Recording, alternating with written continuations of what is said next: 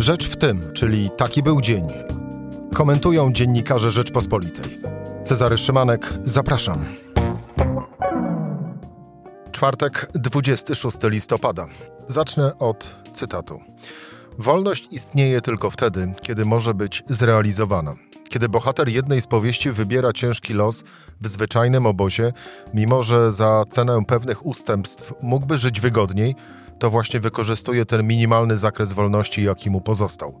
Wolność zostaje zrealizowana. Pisał w Słowniku Demokracji wydanym przez Republikę w 1991 roku profesor Marcin Król.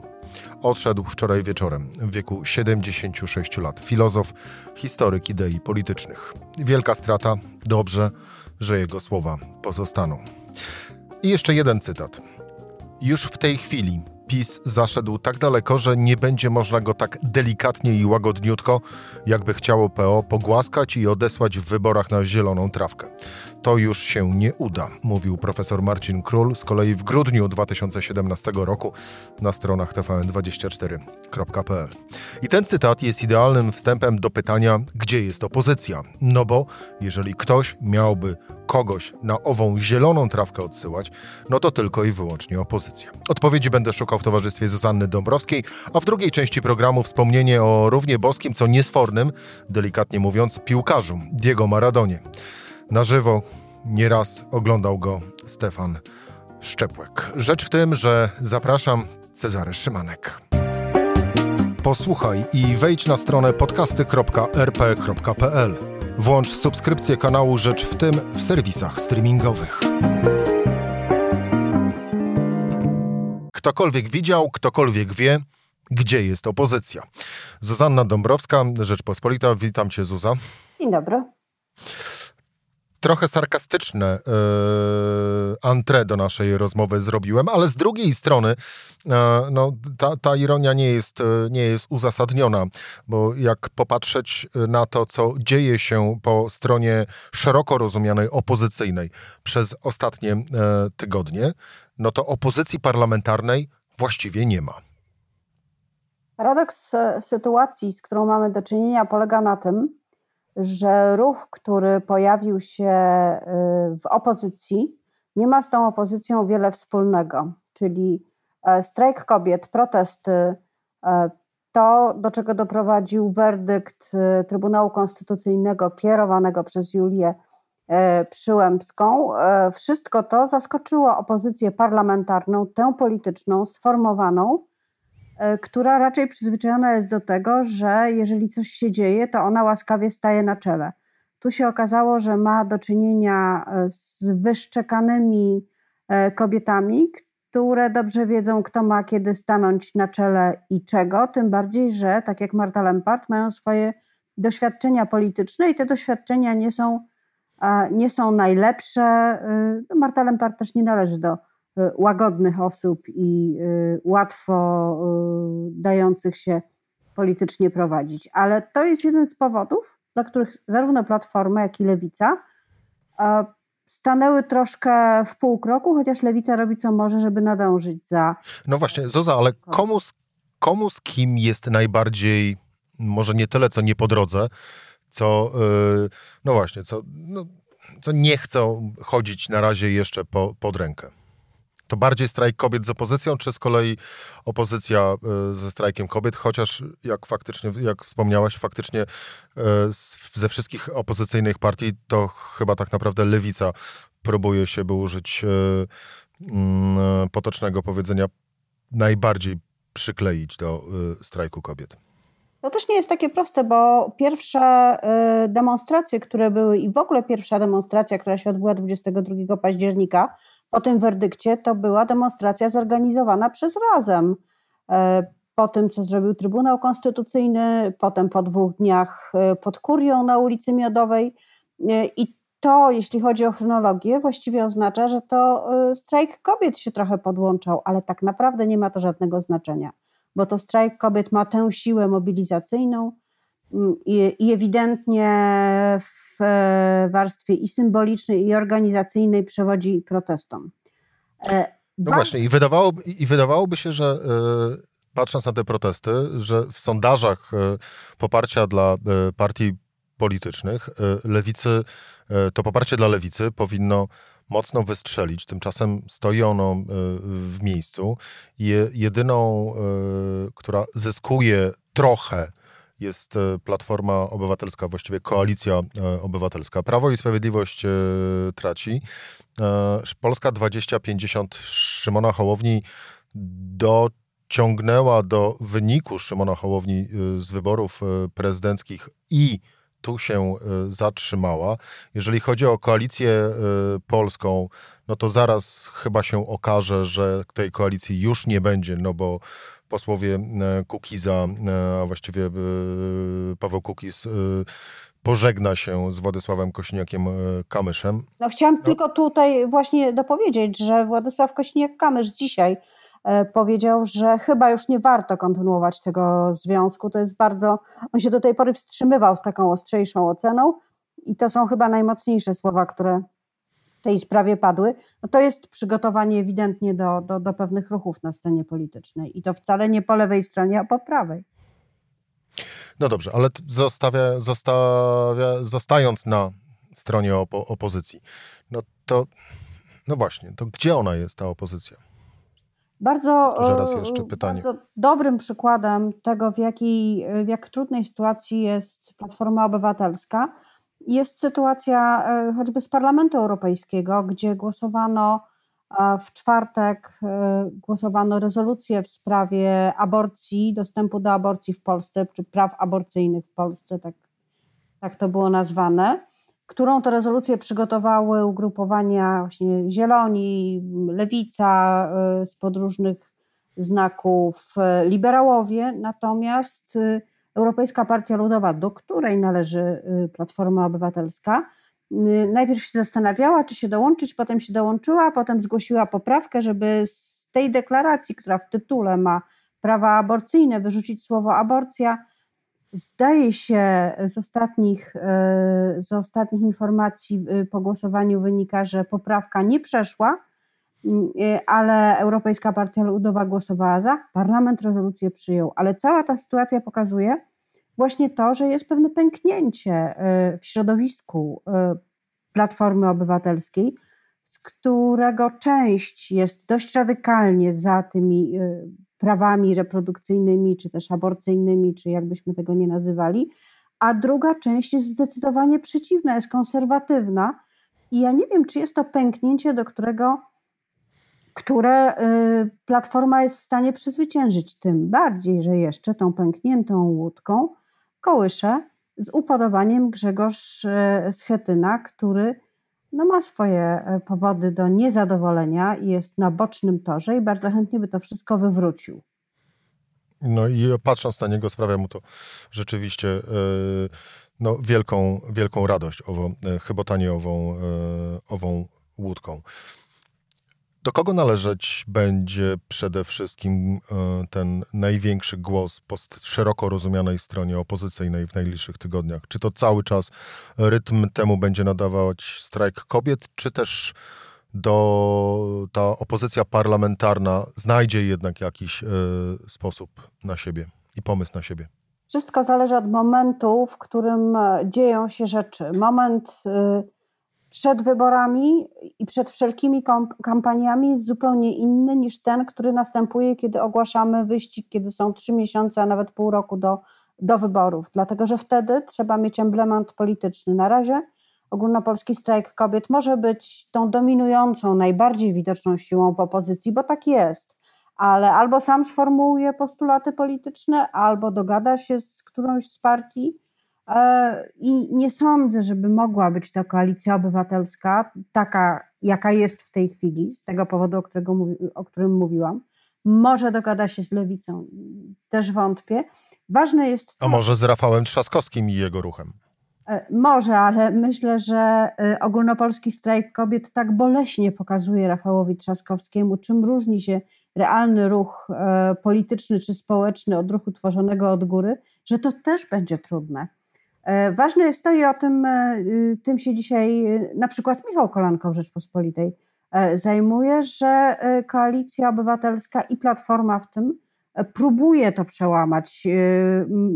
podobno w połowie grudnia odbędzie się taki, mm, można powiedzieć, taka mobilizacja programowa, partyjna, polityczna, będzie podsumowanie tego, jak y, rząd walczy z pandemią.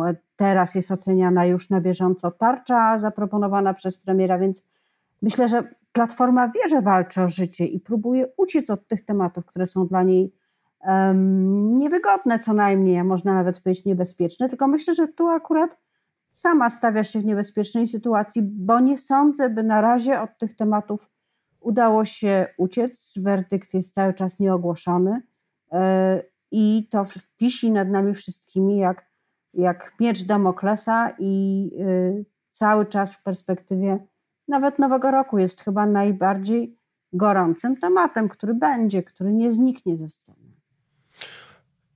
I jeszcze zostaje nam Polska 2050 do e, naszego obgadania, poplotkowania. E. No właśnie. Myślę, że to jest bardzo. No właśnie. To jest bardzo ciekawe, dlatego że jest to jedyna e, partia, bo już tak można mówić, przecież została oficjalnie zarejestrowana, zgłoszona E, jest to jedyna partia, która próbuje mówić o państwie e, i o polityce w sposób e, systemowy bardzo i taki zaplanowany. Może nawet czasem aż za bardzo, to znaczy nie za mało ma tej dynamiki społecznej, próbuje budować swój zamek na lodzie, a być może za mało bierze pod uwagę toczącą się rzeczywistość. Ale jednak jest to cenne. Trzeba projektować to, jakie ma być państwo i jakie mają być jego instytucje, po to, żeby móc powiedzieć, jak się je będzie budowało. I, i myślę, że jednak mimo wszystko to jest na plus dla Szymona Hołowni. E, I myślę, że może bardzo niepokoić właśnie Platformę Obywatelską, bo y, najpierw y, ten, ten ruch wokół Szymona Hołowni zagrażał e, bardziej lewicy i takiej nieskrępowanej obywatelskiej aktywności. Teraz, przy tym, kiedy, kiedy Hołownia bardzo mm, bardziej precyzyjnie określił się światopoglądowo i jednak został w tym centrum, został z wielkim dystansem do, do tych y, protestów i, i strajków, nie ma wątpliwości, że będzie zagrażał właśnie Platformie i właśnie takiemu spokojnemu centrum, które miałoby być siłą stabilizującą we wszystkich przyszłych e, układankach politycznych. A plotkowaliśmy o opozycyjnej scenie e, politycznej e, wspólnie z Zuzanną Dąbrowską. E, ja mam jeszcze jedną plotkę, właściwie wiadomość potwierdzoną, a nie plotkę, ale tak. za to bardzo ważną. Otóż we wrocławskim zoo urodził się już 10 listopada, ale trzymano to w tajemnicy, myszojeleń. Każdy, kto chce zobaczyć, jak wygląda myszojeleń, może włączyć YouTube'a i wysłuchać pieśni na ten temat. W dodatku te urodziny udało się sfilmować. Po raz pierwszy na świecie urodziny myszojelenia zostały sfilmowane i tutaj możemy jako kraj niewątpliwie pochwalić się wielkim sukcesem. A ty już pytałaś prezydenta, y, jak wygląda myszojeleń? Ja nie pytałam prezydenta, bo mam internet i dlatego nie muszę tego robić. E, Zuzanna Dąbrowska, bardzo dziękuję Ci e, za rozmowę. Dziękuję. A już za chwilę Stefan Szczepłek i wspominać będziemy wielkiego Diego Maradona. Rzecz w tym, że to jest podcast Rzeczpospolitej. Życia niestety już nie okiwał. Miał 60 lat. Diego Armando Maradona. Wielkim piłkarzem był. Stefan Szczepłek, dziennikarz sportowy Rzeczpospolitej. Witam, witam cię, Stefanie.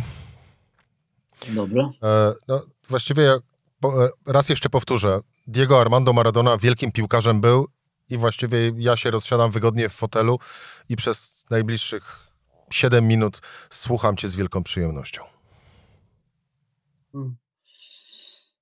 A, 7 minut mówisz, a on grał w piłkę z tych 60 lat on grał do 37 roku życia. Czyli można powiedzieć, że intensywnie grał w piłkę przez około 30 lat. Dlatego, że już go zauważono, kiedy miał, kiedy nie miał jeszcze 10 lat i już się popisywał nieprawdopodobnymi umiejętnościami żonglera. do tego stopnia, że mm, zapraszano go nawet jako takiego małego dzieciaczka. On był zawsze bardzo mały. On u szczytu kariery miał 1,67 m wzrostu. Ważył wtedy 60 kg, a po, potem to się znacznie zmniejszy, zwiększyło. Jeżeli chodzi o wagę, a nie o wzrost, oczywiście. Tak, tak. W każdym razie e, on jako taki, taki mały chłopiec z czarnymi, długimi włoskami kręconymi popisywał się żonglerką w przerwach meczów ligowych Ligi Metropolitano. On się wychowywał w dzielnicy Biedoty, to się nazywało Via Florito na, na, przedmieściach, na przedmieściach Buenos Aires. No i nawet no, wśród rówieśników się wyróżniał, no bo jeśli był chłopakiem z biednej rodziny, miał siedmioro rodzeństwa, ojciec popijał ponad miarę, pieniędzy w domu nie było, no to czym się taki, tacy chłopcy mogli wyróżniać? Tym, co, co robi się na podwórkach, prawda? Albo się biją, albo grają w piłkę.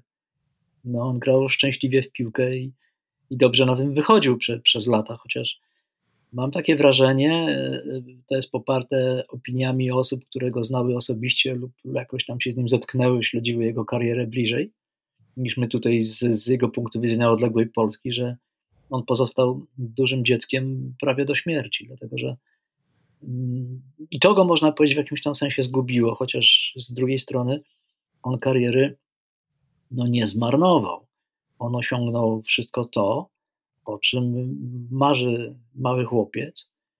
Mm, tylko, że ta kariera mogła po pierwsze trwać nieco dłużej na wyższym poziomie, a po drugie nie musiała, e, nie musiały jej towarzyszyć jakieś takie okoliczności, które stawiają go w nie najlepszym świetle. To jest, to jest piękna kariera sportowa, na której są rysy dotyczące jego charakteru, podejmowanych decyzji itd. Tak itd.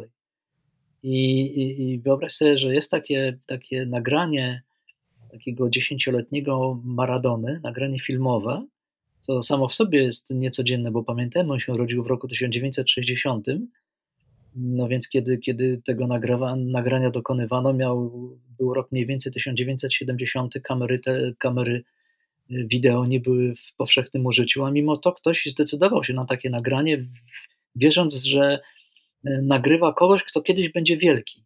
I na tym nagraniu, taki dziesięcioletni mniej więcej, chłopaczek, mówi, że on ma dwa marzenia. On chce zostać mistrzem Argentyny, a potem mistrzem świata. I kiedy, kiedy ja się o tym dowiedziałem, sam nagrania nie widziałem, kiedy się o tym dowiedziałem, to mi, się, to mi stanął przed oczami mały Kamil Stoch, bo znane jest hmm. takie jego nagranie, w którym on też mówi, że będę mistrzem świata.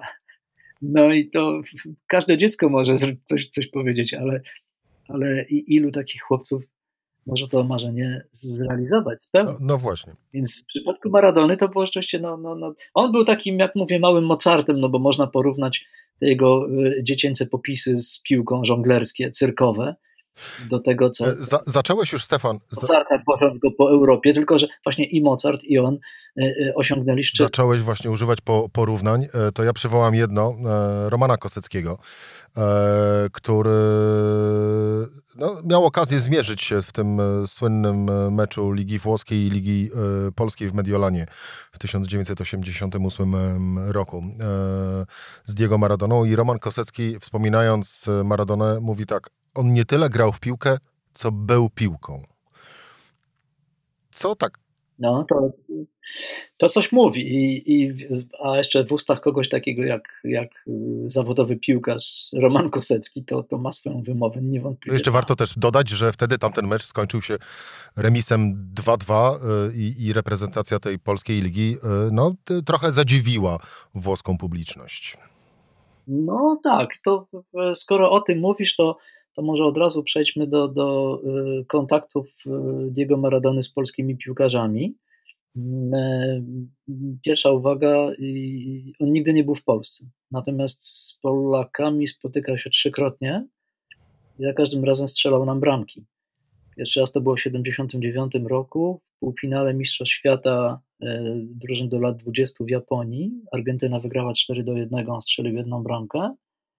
E, e, drugi raz w 1980 roku w meczu towarzyskim pierwszych reprezentacji Polska-Argentyna w Buenos Aires.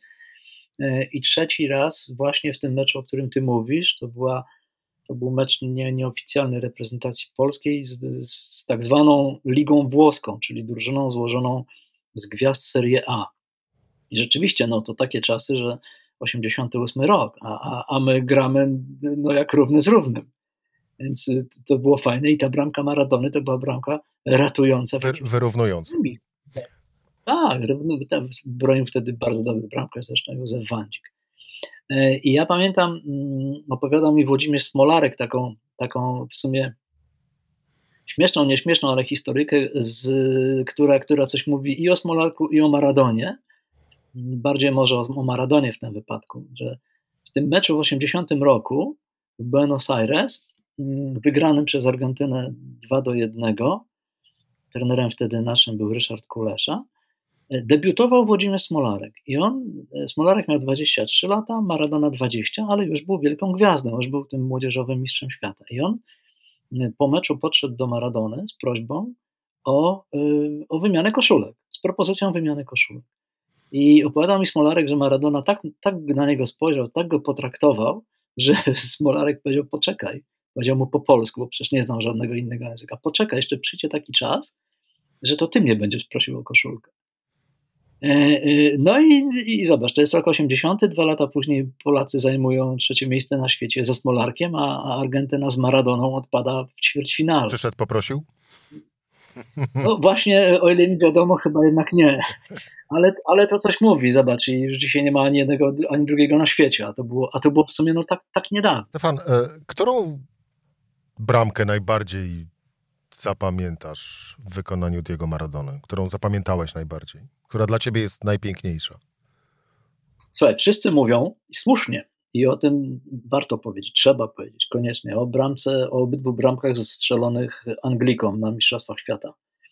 No, a, a ja zapamiętałem też takie, które on kilka dni później strzelał na tym samym stadionie Azteka w Meksyku reprezentacji Belgii. Dwie bramki. One były no nie to, że podobne, ale, ale też były, były świadectwem nieprawdopodobnego kunsztu.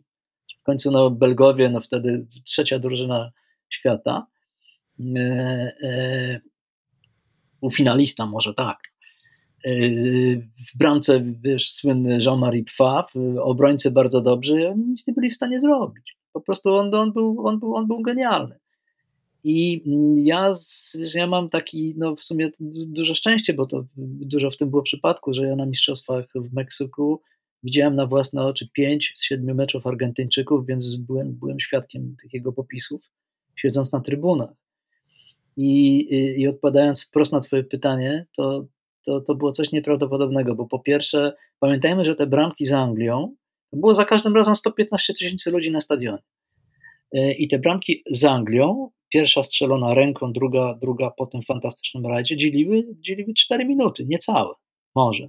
Więc jeszcze ludzie nie ochłonęli po tym golu, e, co do którego wszyscy mieli wątpliwości, w jaki sposób on został zdobyty, ale tak prawdę mówiąc, na samym stadionie tych wątpliwości nie było słychać, że dopiero później. No bo no, trudno strzelić bramkę głową, mając, yy, yy, będąc niższym od bramkarza angielskiego e, o ile? O 15, o 18 centymetrów. Nawiasem mówiąc, to był ten sam bramkarz, e, e, Peter Shilton, który, który bronił na Wembley w 1973 roku i którego, roku i którego pokonał Jan Domarski, ale to już tylko ciekawostka. No i kiedy się tam jeszcze ludzie zastanawiali, no, była ta bramka prawidłowo zdobyta czy nie, doszło do tej, do tej drugiej. I, I wierz mi, ja tego, tego to rzeczywiście nie zapomnę, bo to i dla mnie było jakieś nieprawdopodobne przeżycie szczęście, jakie może się zdarzyć raz w życiu, że on, biorąc piłkę na swojej połowie i biegnąc w kierunku angielskiej bramki, minął po drodze e, pięciu Anglików. E, Shilton wyszedł przed bramkę e, w jakimś tam sensie ułatwiając mu strzał, ale wiesz, w ciągu tych 13 sekund ten stadion, ja tego nie zapomnę, ten stadion falował zarazem z każdym kolejnym jego zwodem, z każdym kolejnym krokiem. Po prostu ludzie wstawali, siadali, krzyczeli. E, naprawdę, to było coś absolutnie nieprawdopodobnego i kiedy już ta bramka padła, to naprawdę, to może ja dorabiam do tego jakąś tam ideologię po latach, ale wydaje mi się, że nie. Wszyscy mieli świadomość, że biorą udział w czymś absolutnie niezwykłym, że coś takiego zdarza się raz w życiu. i to zdarza się na Mistrzostwach Świata na jednym z najsłynniejszych stadionów świata. No to zrób coś takiego. Więc takie rzeczy, ta bramka zresztą została uznana za, za najładniejszą z, zdobytą w XX wieku. No i ja się temu wcale nie dziwię. To było coś absolutnie fantastycznego. Stef... Nawiasem mówiąc, ty mówisz o tym, ale zwróć uwagę na jedno, że e, e, bardzo mało bramek padało po e, zrzutów karnych po faulach na Maradonie. Dlatego, że mm, jego celem nie był rzut karny, tylko gol.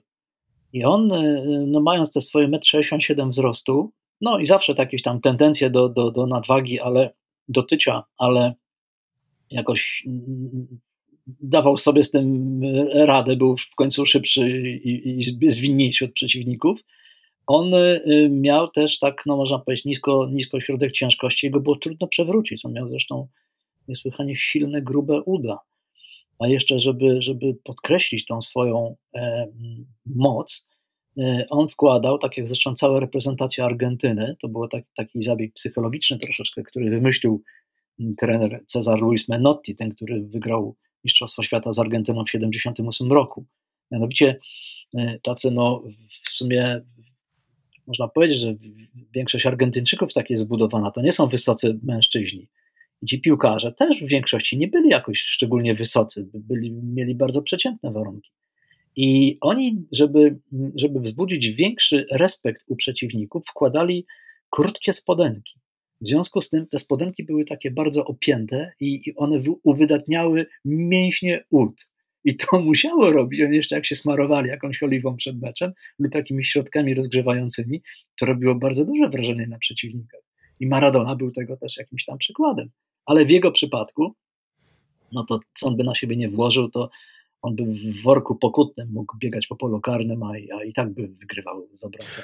Moglibyśmy tak godzinami, drogi Stefanie. E, e, na, na, na koniec. E, wczoraj, jak dowiedziałeś się, że zmarł na atak serca Maradona, pierwsza myśl twoja? No, znaczy, pierwsza no to oczywiście smutek i jakaś taka refleksja, że, no, że jeszcze mógł żyć. E, Pele, y, który jest porównywalny z nim przecież, jako ten, który, któryś z nich jest najlepszym piłkarzem świata, jak się powszechnie myśli. Ma 80 lat, jest 2, 20 lat starszy, no ale, że tak powiem, on się dobrze całe życie. No właśnie chciałem to powiedzieć, że tam jest większa higiena trybu życia.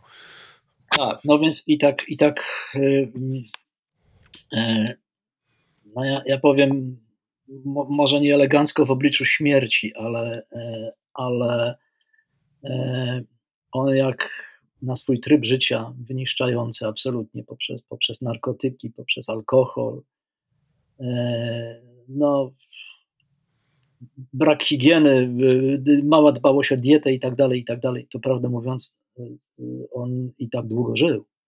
Bo, bo przecież pamiętajmy, że o tych jego problemach zdrowotnych to my wiemy już od czasów, kiedy on jeszcze był czynnym piłkarzem, a już wiedzieliśmy, że on bierze narkotyki, czyli to są, to jest, to jest przełom lat 80., 90. One go wyniszczały. Pamiętajmy, że on pierwszy, pierwszego ataku serca dostał 16, 16 lat temu, w 2004 roku. I wielokrotnie się mówiło, że Maradona jest w ciężkim stanie. Do tego on przecież, pamiętamy jak on wyglądał w ostatnich latach, przecież on przy tym swoim wzroście ważył ponad 100 kg, palił cygara. E, leczył się w, w klinikach, e, w, w klinice Fidela Castro w, w Hawanie, leczył się w Szwajcarii, y, no, a jednocześnie on myślał, że on oszuka życie, że on, że on wygra z tym życiem, jak gdyby nie dając mu szans. No i, no i ni niestety nie okiwał, jak, jak też zacząłem e, naszą rozmowę. A więcej e, o Diego Maradonie w jutrzejszej Rzeczpospolitej zapraszam w imieniu autora e, tekstu, czyli właśnie Stefana Szczepka. Stefan, dziękuję Ci bardzo za rozmowę. Dziękuję bardzo. To była rzecz w tym w czwartek. Cezary Szymanek, dziękuję bardzo i do usłyszenia po weekendzie, czyli w poniedziałek. Miłego wieczoru.